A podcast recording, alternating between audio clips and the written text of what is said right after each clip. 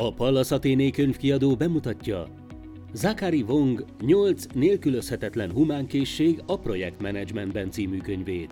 Egy csapat teljesítménye nem csak a készségeken és a tapasztalaton múlik. Egy projekt sikerét leginkább az dönti el, hogy mennyire tudja a projektvezető motiválni és irányítani csapata viselkedését. Zachary Wong könyve kiváló gyakorlati útmutató projektmenedzsereknek és vezetőknek, gyakorlati példákkal és stratégiákkal, működő eszközökkel és a való életben is kiválóan használható technikákkal. A nyolc nélkülözhetetlen humánkészség a projektmenedzsmentben című könyv magyarországi bemutatóján meghívott vendégeink voltak. Heitlerné Lehocki Mária, a Budapesti Gazdasági Egyetem Alkalmazott Kommunikáció Intézeti tanszékének egyetemi adjunktusa. Dr. Lokodi Anna Mária ügyvéd, a könyv lektora, valamint Schiessler Tamás, business és management coach. Mindenkit sok szeretettel köszöntök ezen a mai könyv bemutatón, és először szeretnék néhány percben egy kis kertcsinálót a könyv elolvasásához kelteni.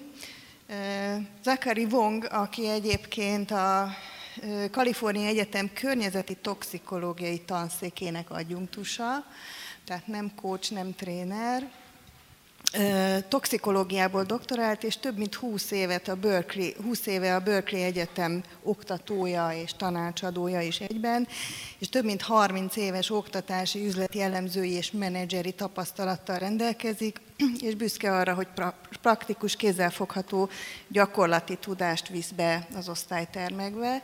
Több publikációja is megjelent, könyvei és cikkei, és többek között ez a könyv, ami gyakorlatilag egy kivonata az ő hosszú évek alatt összegyűjtött tapasztalatainak, ahogyan az eredeti angol cím is tulajdonképpen eszenciáról szól, ami a magyar fordításban már pontosan nem jelenik meg, de, de mindenképpen egy nagyon sűrű kivonat az ő munkássága alapján a szervezetekkel végzett tapasztalataiból.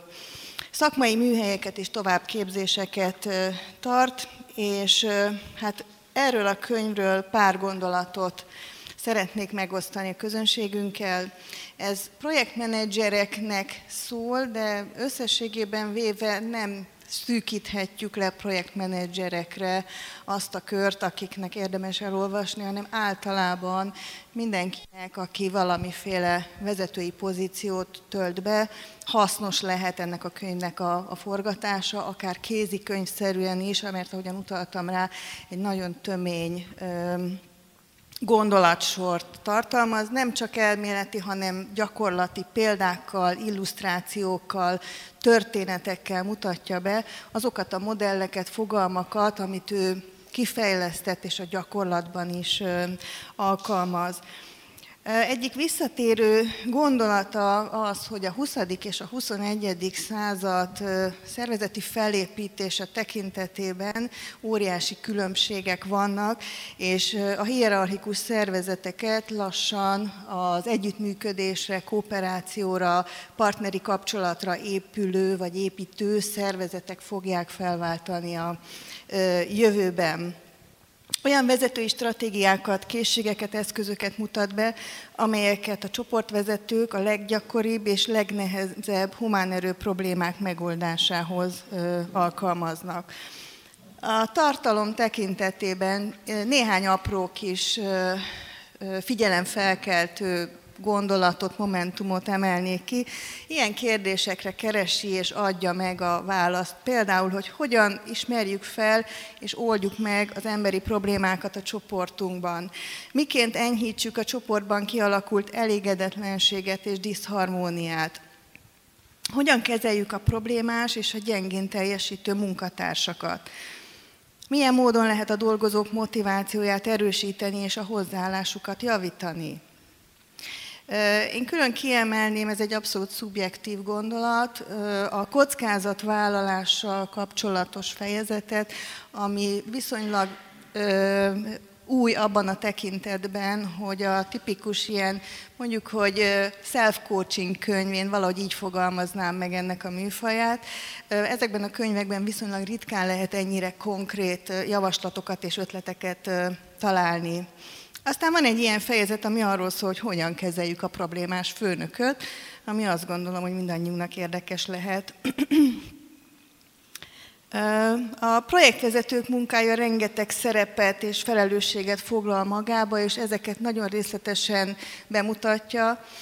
Egy szintén szubjektív gondolat, hogy miközben olvastam a könyvet, az jutott eszembe, hogy ha valakinek olyan törekvései vannak, hogy szeretné megvalósítani mindazt, ami ebben a könyvben benne van, akkor az egy pici szorongást is kelthet. Tehát olyan szép és ideális célok és eszközök vannak a, a fejezetekben leírva, hogy valahol lehet, hogy mindannyian azt érezzük, hogy hát én ezt ezt én sohasem fogom elérni. Na most ettől ne bártortalanodjunk el, mert hogy nem az a cél, hogy egy az egyben ezeket a példákat és célokat megvalósítsuk, hanem gyakorlatilag én azt gondolom, hogy egy kicsit kézikönyvként lehet használni ezt a könyvet. Nagyon-nagyon fontos és értékes része az, hogy minden fejezet végén van egy rövid összefoglaló. Tehát, hogyha valakinek nincs ideje elolvasni a fejezeteket, elég, ha megnézi az összefoglalókat, és akkor el lehet dönteni, hogy erre most szükségem van, vagy sem. Gyakorlatilag a fejezetek egymástól függetlenül olvashatók, és minden fejezet végén van egy szintén nagyon jó segítőeszköz, amit ő memóriakártyának hív, és ebben ezek az alapvető fogalmak és modellek megtalálhatók, amiket ő az adott fejezetben bemutat. És még egy-két dolog a, a könyvvel kapcsolatban, nagyon ö, érdekes metaforákat használ. Tehát például van egy fagylalt töltsérrel kapcsolatos modellje, amiben egy nagyon aranyos történetet mond el, amikor egy kisfiút az anyukája elviszi ö, fagyizni, és leesik a gombóca fagyiról. Most az, hogy ez most hogyan kapcsolódik egy ilyen vezetői ö, gondolkodásmódhoz, ezt meg lehet tudni a könyvből. Aztán van egy másik modell, ez a sapkák modellje, amikor is a vezetőnek egyszerre többféle szerepet is be kell töltenie, ezt különböző sapkákkal jeleníti meg. Egyrészt meg kell felelni a felső vezetés, a vállalati elvárások területén, másrészt meg kell felelni annak, hogy én a csoportom vezetője vagyok, harmadrészt van egy elvárás a csoportnak, hogy legyünk egyben a csoport tagjai is. És ezek sokféle szerepkonfliktussal járhatnak együtt. Arról is szó van, hogy vajon mi a különbség abban, hogy egy vezető barát vagy barátságos. Nos, ennyit a könyvvel kapcsolatban ízelítőül, és most pedig áttérnénk a panel beszélgetésre. Szeretettel köszöntöm beszélgető partnereimet, dr. Lokodi Anna Máriát, aki a könyvet lektorálta, és Seisler Tamást, aki kócsként dolgozik. A főbb témáink, amit érinteni fogunk ennél a beszélgetésnél, remélhetőleg mindegyik tudunk majd rövid szakítani. Az egyik az az a kérdés, hogy vajon ezek a módszerek, technikák, eljárások, példák mennyire kultúra függőek, hiszen a szerző amerikai, mi viszont itt élünk Európában, Magyarországon. Nyilvánvalóan vannak eltérések a különböző kultúrákban. Aztán egy másik nagy témakör, ami szintén a könyvben felvetődik, hogy a 20. és a 21. század szervezeti modellje, szervezeti felfogása mennyiben tér el, mennyiben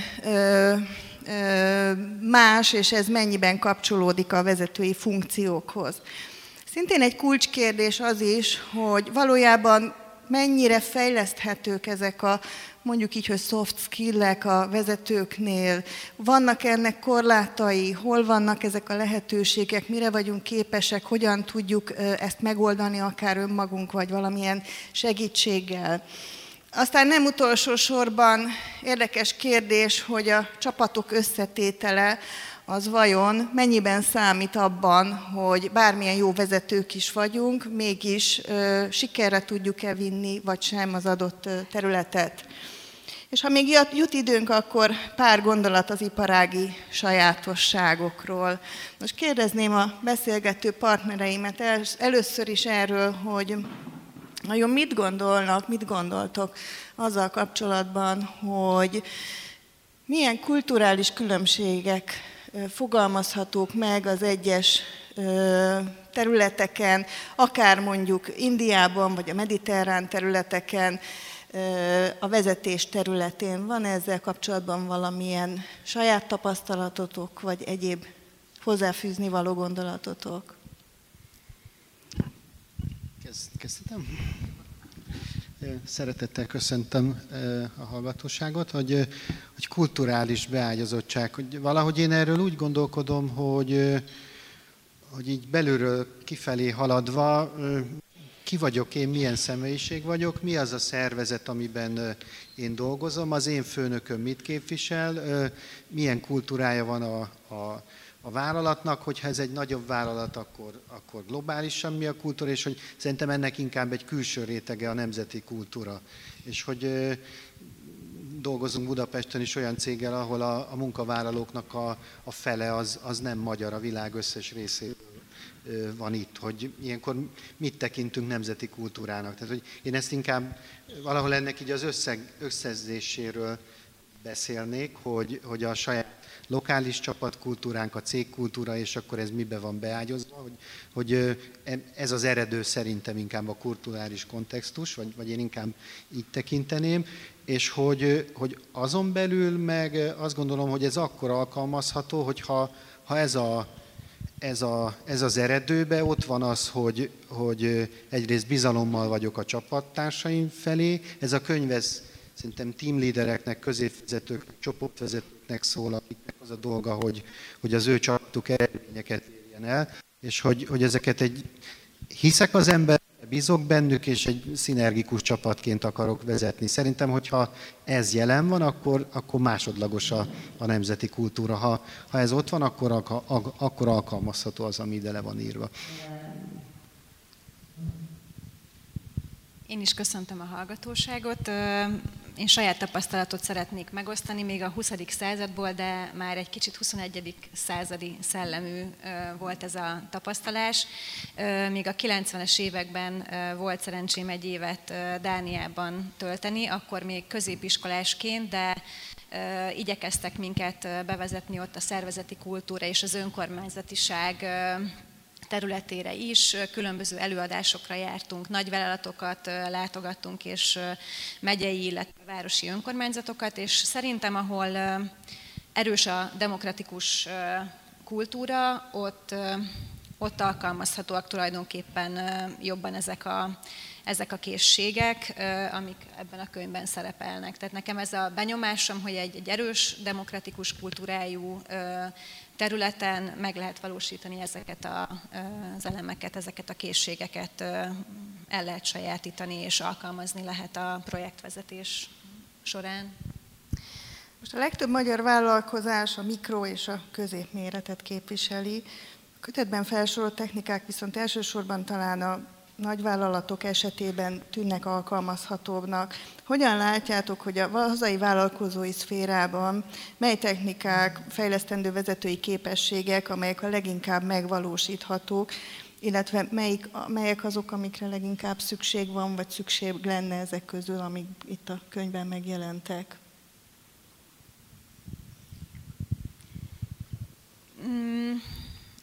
Lehet, hogy a példák a könyvben valóban a nagyvállalatok jutnak az eszünkbe a, a példákról, viszont a csoport, csapat összetartás, a jutalmazás, az őszintesség, átláthatóság és elszámoltathatóság ugyanúgy a kis és középvállalatok esetében is fontos, véleményem szerint.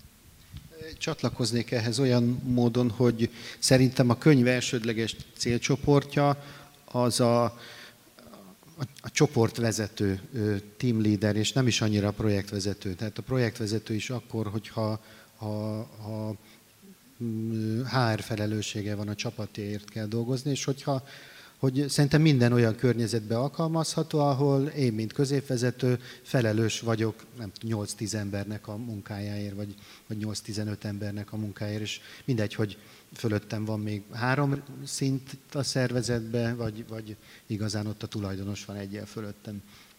Ja, hát annyiban egyetértek ezzel, hogy mivel itt alapjában véve emberi működésekről van szó, ezért ez mindannyiunkban kultúrától függetlenül adott, mert mindannyiunknak vannak motivációi, egy munkahelyen mindannyian valamiféle teljesítményt szeretnénk elérni.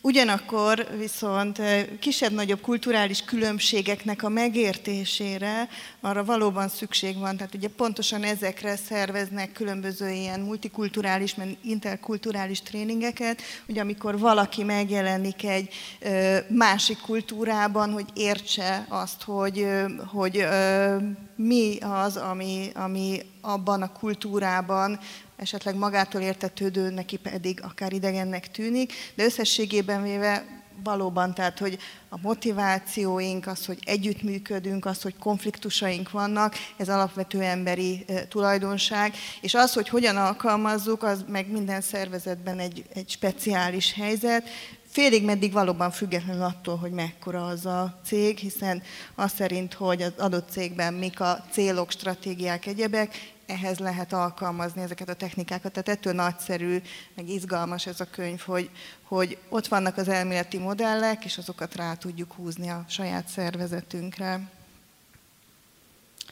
Létezik-e magyar vezetési kultúrára jellemző specifikum? Különös tekintettel a könyvben ismertetett nyolc humánkészség tekintetében? Hát én részben itt ismételném magamat, uh-huh. de hogy nagyon különböző cégekkel dolgozunk, és visszatérnék oda, hogy, hogy mennyire van bizalom, mennyire hiszünk abba az hogy, hogy az embert most nagyon kontrollálni kell, vagy, vagy értelmes célokat adni, és ő motivált abban, amit csinál. Tehát, amit úgy fogalmaztál, hogy demokratikus alapelvek, hogyha uh-huh. ha ezt gondoljuk. Nekem az a tapasztalatom, hogy Magyarországon is nagyon, nagyon különböző cégek vannak, hogy a skála mind a két végén lehet szép számmal találni cégeket. Nem csak a cégek sokfélék, szerintem a vezetők is rendkívül sokfélék. Én még egyelőre csak alkalmazotti, beosztotti pozícióból tapasztaltam, hogy volt olyan vezető, vezetőm, aki, akire a szakértelme miatt néztem föl, és, és abban volt meghatározó. Volt olyan vezető már a fölöttem, aki, akinek az emberi tulajdonságai miatt volt kifejezetten eredményes és, és sikeres. Én azt gondolom, hogy ahány vezető annyi, annyiféle nehéz, nehéz specifikumot meghatározni, ami biztos, hogy eredménycentrikusak és teljesítmény a cél. És akkor itt kérdezném azt, hogy mi jelenti a legnagyobb kihívást mondjuk egy vezető vagy projektvezető számára?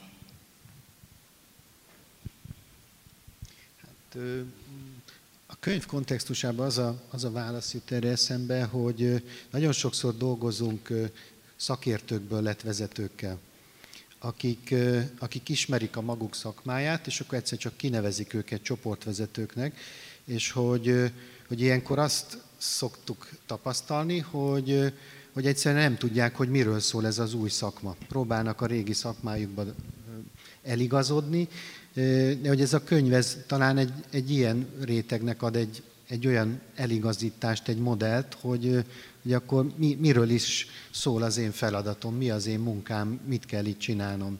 És hogy még ehhez fűzném hozzá, én a könyvet is valahogy olyan, úgy képzelem el, hogy a úgy gondolkodunk a tanulásról, hogy lehet adni modelleket, aztán utána ezeket érkeztessük meg a saját szervezetünk kontextusába, és utána meg alkalmazzuk, gyakoroljuk őket. És hogy, hogy amíg ez a ciklus nem működik, addig olyan nagyon szárazak ezek a modellek, és szerintem még ez akkor izgalmas, amikor először valamit elrontok anélkül, hogy tudnám, és akkor utána olvasok el egy ilyen könyvet, és akkor úgy, úgy tudom kötni, hogy na, ez, ez oda, ez, ez arról beszél, amit, amit én ott elrontottam, és ez tényleg egy olyan eszköz, amit érdemes megtanulnom ezt a nyelvet, ezt a modellt kipróbálni a saját kontextusomba. Igen, tehát nem véletlenül alakult ki a coach, a tréning, a különféle tanácsadási formák, mert ezek olyan felületet biztosítanak, ahol ezeket ténylegesen ki lehet próbálni, és nem a saját beosztottainkon gyakorlunk, és esetleg egy-egy félre sikerült kísérlettel, még akár rontunk is a, a helyzeten, ugyanakkor ezek jó esetben ugye beépülnek, és aztán tovább tudjuk ezeket vinni, tehát nem szégyen, ha nem tudjuk önmagunkat self-coacholni, az a, a igazán nagy lépés, hogyha ebben, de nem feltétlenül külső segítséget, egyfajta munkatársi segítséget, mentorálást, egyebet kérünk, a tapasztaltabb kollégákat megkérdezzük erről, tehát hogy nem kell egyedül magunkban kigondolni, hogy majd én ezt mondom, ő meg majd erre ezt reagálja, és akkor így fogok erre lépni, és a könyvben ez hogyan is van. Ezek valóban ilyen általános gondolatokat fogalmaznak meg. Egy pár dolgot még ezzel kapcsolatban azért hozzáfűznék ezeknek a különféle tanácsadási módszereknek, egyebeknek az előfutára egyébként Magyarországon a 80-as években jelent meg. Az ENSZ, az UNIDO szervezetén keresztül egy kifejezetten vezetőknek szóló képzést hozott Magyarországra, tehát még bőven a rendszerváltás előtt és gyakorlatilag ez akkor egy korát megelőző dolog volt, mert ezek a vezetők pontosan azt tanulták meg, hogy hogyan és milyen módon lehet a kommunikációt, a konfliktusokat, a motivációkat annak érdekében kezelni, hogy minél hatékonyabban tudjon működni egy szervezet. Aztán később ezekből a, a körökből kerültek ki olyanok, akik kiképeztek újabb ilyen szakembereket, trénereket, és az egyik közülük Magyarországon, aztán már többen is, különböző felsőoktatási intézményekben nem kis erőfeszítés árán, de még a 80-as években elindítottak ilyen típusú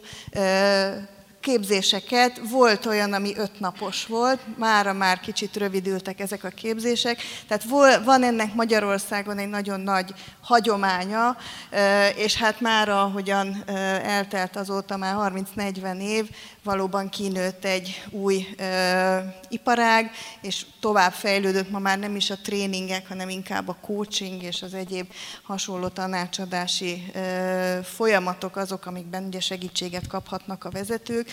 A 90-es évektől kezdve már gyakorlatilag a kutatások is egyértelműen bizonyítják azt, hogy nem elegendő a szakmai tapasztalat a sikerekhez, elengedhetetlen az, hogy képesek legyünk bánni a munkatársakkal, motiváljuk őket, tudjuk a egymás közti konfliktusokat kezelni, értsük egy kicsit a csoportdinamikát és egyebeket, ezért is jöttek létre egyébként az első ilyen úgynevezett vezető képző kurzusok és egyebek. Ugye ehhez, kapcsolódva, hogy nagyon sok cégben működik a, a HR részeként a képzésfejlesztés, ahol, aminek egy, a, egyrészt a munkatársak képzése az egyik fő fókusza, de a másik az a pont a vezetőknek, a középvezetőknek a, a folyamatos fejlesztése, a vezetőfejlesztés címén. Akár ez a könyvet el is tudom képzelni, hogy ott, ott egy, egy modell lehet egy képzésfejlesztési rendszerre, hogy, hogy ő mi alapján működik.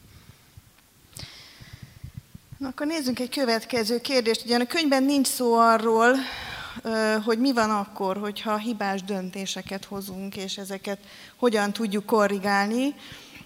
Mit gondoltok arról, hogy hogyan lehet ezeket kommunikálni a csoportnak, hogyan lehet kommunikálni a vezetőségnek, mit lehet tenni annak érdekében, hogy a csoport továbbra is hatékonyan tudjon működni, megtartsuk a motivációkat? Ez egy nehéz kérdés, mert attól függ, hogy a hibának milyen következményei vannak vagy lehetnek.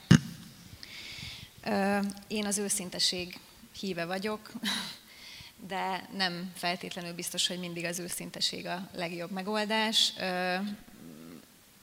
Esetleg a pozitivitás, tehát ha a könyv üzenetére gondolok, akkor mindenképpen ilyen esetben is pozitívnak kell maradni, és a megoldásra kell törekedni. Tehát a, azt kell kommunikálni, hogy hibát követtünk el, de megoldást keressük, és meg, megpróbáljuk megtalálni.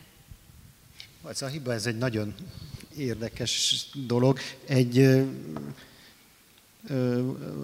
egy bizonyos cégnél dolgoztunk sokat azzal, hogy, hogy miről szól a hibázás, és hogy tulajdonképpen a hibás, hiba szót is ki lehetne bontani, mert hogy van, amikor a hiba az a tanulásnak a része.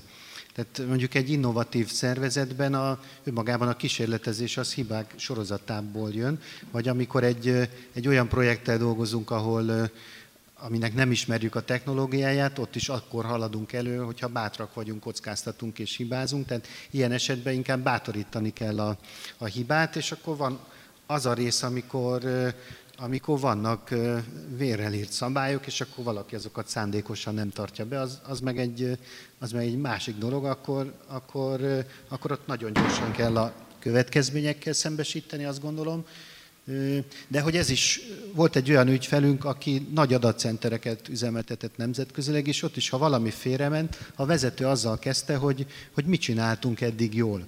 Tehát, hogy ne, nagyon könnyű oda nyúlni, hogy a hibák kapcsán egy félelmet alakítunk ki, és akkor utána ez a félelem válik a, a vezetői eszközé. Ebbe a példába, és én hozzám ez áll legközelebb, hogy, hogy minél inkább próbáljuk azt a transzparenciát tenni, hogy hibázni az az egy dolog, lássuk a következményeit, de minél gyorsabban lépjünk ezen túl. Azt gondolom, hogy nem szabad kihagyni ebből az egész gondolatsorból egy olyan mainstream témát, hogy a fiatalok, meg különböző generációk, bár ez egy nagyon leegyszerűsítő, manapság divatos kifejezés, hogy Y meg Z generáció, de mondjuk ha feltételezzük, hogy azok, akik az üzleti életben szeretnének karriert csinálni, és az a céljuk, hogy előre tudjanak lépni, mit gondoltok azzal kapcsolatban, hogy őket hogyan és milyen módon lehetne ebbe az irányba terelni, akár csapattaként, vagy leendő vezetőként? Esetleg az oktatásból bármilyen ötlet? Én nagy örömmel tapasztalom a lányom, aki általános iskolás, felső tagozatos, náluk rendszeresen előfordulnak projektmunkák, amikor három-négy kisiskolásnak össze kell fogni, és egy témát fel kell együtt dolgozniuk, PPT-t kell belőle készíteniük, és ezt az iskolában együtt kell adniuk. Tehát ez szerintem egy pozitív változás ahhoz képest, amit mi tapasztaltunk annak idején a, az általános iskolában. Tehát, hogyha ezt a csapatmunkát, projektmunkát már gyerekkorban elsajátítják és gyakorolják, akkor később is ügyesebben fogják tudni ezt alkalmazni. Megint, ha szabad, ugyanezt húznám alá, hogy, hogy ezekről a dolgokról szerintem nem, nem lehet csak olvasni, mert saját tapasztalat, hogy valamilyen könyvet elolvastam, és amikor utána ezzel az életbe találkoztam, akkor, akkor újra elolvastam ezt a könyvet, és nem emlékeztem rá, hogy én ezt olvastam volna. Hogy, hogy egyik fülönbe a másikon ki, hogy, hogy tényleg ez a meg, megtapasztaltatás, hogy miről szól ez az egész, és amikor van róla egy élményem, akkor, akkor utána annak közbe tud beindulni a tanulás. Így van, tehát az élmény alapú tanulás.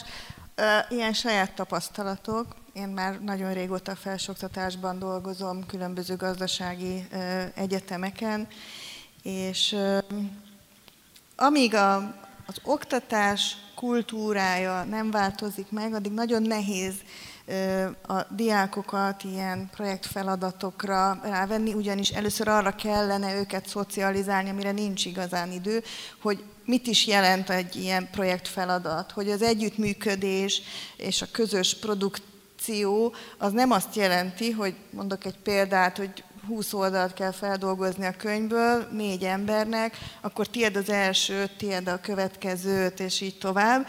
És amíg ezt megértetjük, meg begyakoroljuk, addig gyakorlatilag a tantárgyra nem is jutott idő.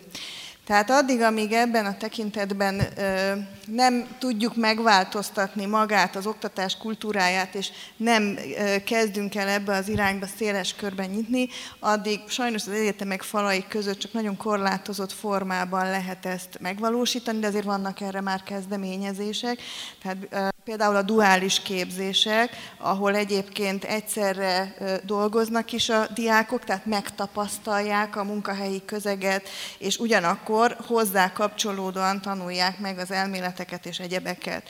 Ugyanígy megkapják azt is mondjuk nálunk a különböző kommunikációs tréningeket, amiknek egyébként óriási sikere van, és mindig sokkal többet szeretnének, de sajnos megint hozzá kell tennem, hogy sajnos van egy ilyen rugalmatlanság a rendszerben, hogy hiába van egyfajta kereslet, a kínálat az nagyon nehezen mozdul meg ebbe az irányba. Ugyanakkor meg nagyon erőteljes nálunk a, az individualizmus, tehát az egyéni sikerek és az egyéni teljesítményeknek az értékelése, és én itt látok egy nagy nehézséget abban, hogy uh, hogyan tudom úgy alakítani a csoportomat, hogy ez az ezzel együtt járó rivalizációt át tudjuk fordítani egy közös értékteremtésbe. Én nagyon sokszor találkozom ezzel a problémával, hogy, hogy nagyon nehéz ezt a szemléletet uh, elérni, hogy nem az én sikerem az elsődleges, hanem a csoport az elsődleges, és abban az én sikerem ugyanolyan értékes. Én ebben látok egy, egy kritikus pontot ezzel, a, vagy ebben a könyvben, amit, amit nagyon nehéz átültetni. Egy következő kérdés, mennyire kell értenie egy projektmenedzsernek, vagy maradjunk inkább egy vezetőnek ahhoz, amiben a csapat a szakértő, egy jó projektmenedzser mindenféle csoportot el tud vezetni? Ezt ez, ez erre konkrét projektekbe, erre, erre nagyon sokat tudnék róla beszélni, a, de most megpróbálom röviden. A, igazán erre az, az a klasszikus válasz, amit mi szoktunk adni, hogy ez a projekt méretétől függ. Tehát, hogyha nagy a projekt, akkor elviseli a, akkor, szükség, akkor egy nagy projektben van egy olyan komplexitás, ami igényli azt, hogy legyen ott az élén egy olyan projektvezető, aki a projekt folyamatára figyel, és megengedheti magának azt a luxust, hogy, hogy szakértőkkel veszi körül magát, mert hogy egy nagy projektben annyi szak, nem is lá, nincs is egy embernél ott az a szakmai tudás, amivel ő tudja szakmailag menedzselni a projektet jellemzően. És ahogy megy a méret, elérünk oda, amikor azt mondjuk, hogy már megéri az, hogy inkább értsen hozzá, mert akkor nem kell szakértő, akivel együtt menedzseli a projektet, és másodlagosnak vegye föl a projektvezetést. Lassan lejár az időnk, azért még egy-két kérdésre érdemes lenne kitérni. Ugye sokszor esett eddig a csoport vezetéséről, meg ugye nehéz főnökökről, de mi van akkor, hogyha a csoportot nem a projektmenedzser állítja össze, és mi van akkor, hogyha maga a csoport toxikus? Mit gondoltok erről? Ez is a helyzettől függ véleményem szerint, hogy mi okozza azt, hogy a, a csapat toxikus. Mi meg kell keresni a, a gyökerét ennek, és, és meg kell próbálni megtalálni rá a, a megfelelő megoldást. Sok beszélgetéssel, nyitott kommunikációval, őszintességgel, és adott esetben akár csoport átalakításához is vezethet egy ilyen, ilyen helyzet. Nekem erre a kérdésre az jut eszembe, hogy az egyik első mentorom szokta mondani, hogy, hogy minden vezetőnek olyan emberei vannak, amit megérdemel, hogy, hogy még mondjuk az első hónapban mondhatom azt, hogy én kaptam ezt a csapatot, de hogyha fél vagy egy év múlva is ott vannak az emberek, és ugyanúgy működik, akkor az már nem a csapatról szól, hanem a, a vezetőről. Igen, ugyanakkor azért azt gondolom, hogy hozzá lehet tenni azt is, hogy ha adott esetben úgy érezzük, hogy meghaladja a kompetenciánkat, akkor át kell adni. Tehát, hogy nem lehet mindig minden helyzetben kihozni magunkból a maximumot, mert vannak korlátaink, meg, meg határaink, és talán lehet, hogy pont ez az, egyik legnehezebb dolog, hogy belátjuk azt, hogy vannak vakfoltjaink, és hogy mi az, ami miatt nem működik ez a, ez a csoport így együtt, illetve hozzá kell tennem azt is, hogy, hogy ha eljutunk oda, lehet, hogy vannak olyanok a csoportban, akiknek a jelenléte miatt toxikus a csoport, akkor is egy újabb döntést kell hozni, tehát lehet, hogy az összetételen célszerű változtatni. Ha egyébként az egyéb eszközöket megpróbáltuk is, kipróbáltuk, csak a kérdés az, hogy mekkora az időnyomás, tehát hogy meddig lehet kérdezgetni, megbeszélgetni a csoporttal, hogy most mi a probléma, vagy pedig nagyon gyorsan kell neki látni a munkának, hogy, hogy tudjuk tartani a, a határidőket.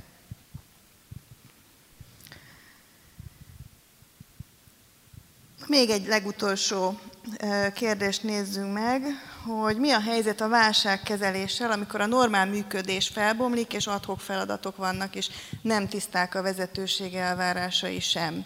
Mit tehet ilyenkor egy jó vezető? Ezek már a nehezebb helyzetek, így szépen, finoman eljutottunk ide, ami mindenkit érdekel, hogy mi van akkor, hogyha valami porszem csúszik a gépezetbe, és nem tudjuk ezeket a szép elméleteket alkalmazni. Talán a porszemnél erősebb hasonlatot használnék, tehát amikor ég a ház, akkor szerintem, és az olyan szempontból szerintem jó is a hasonlat, hogy meg kell nézni, hogy mitől ég a ház, és akkor ott az azonnal oltani.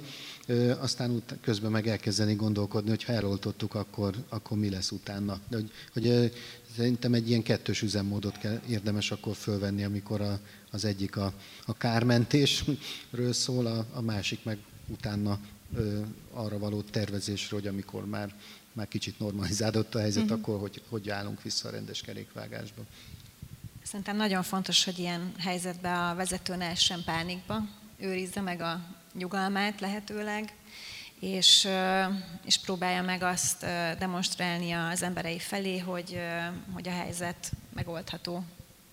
Igen, és ilyenkor lép életbe azt gondolom, ez a helyzettől függő vezetési stílus. Tehát, hogy akiről feltételezzük, mert van tapasztalatunk, és tudjuk, hogy képes önálló döntéseket hozni, akkor egy csomó feladatot lehet delegálni.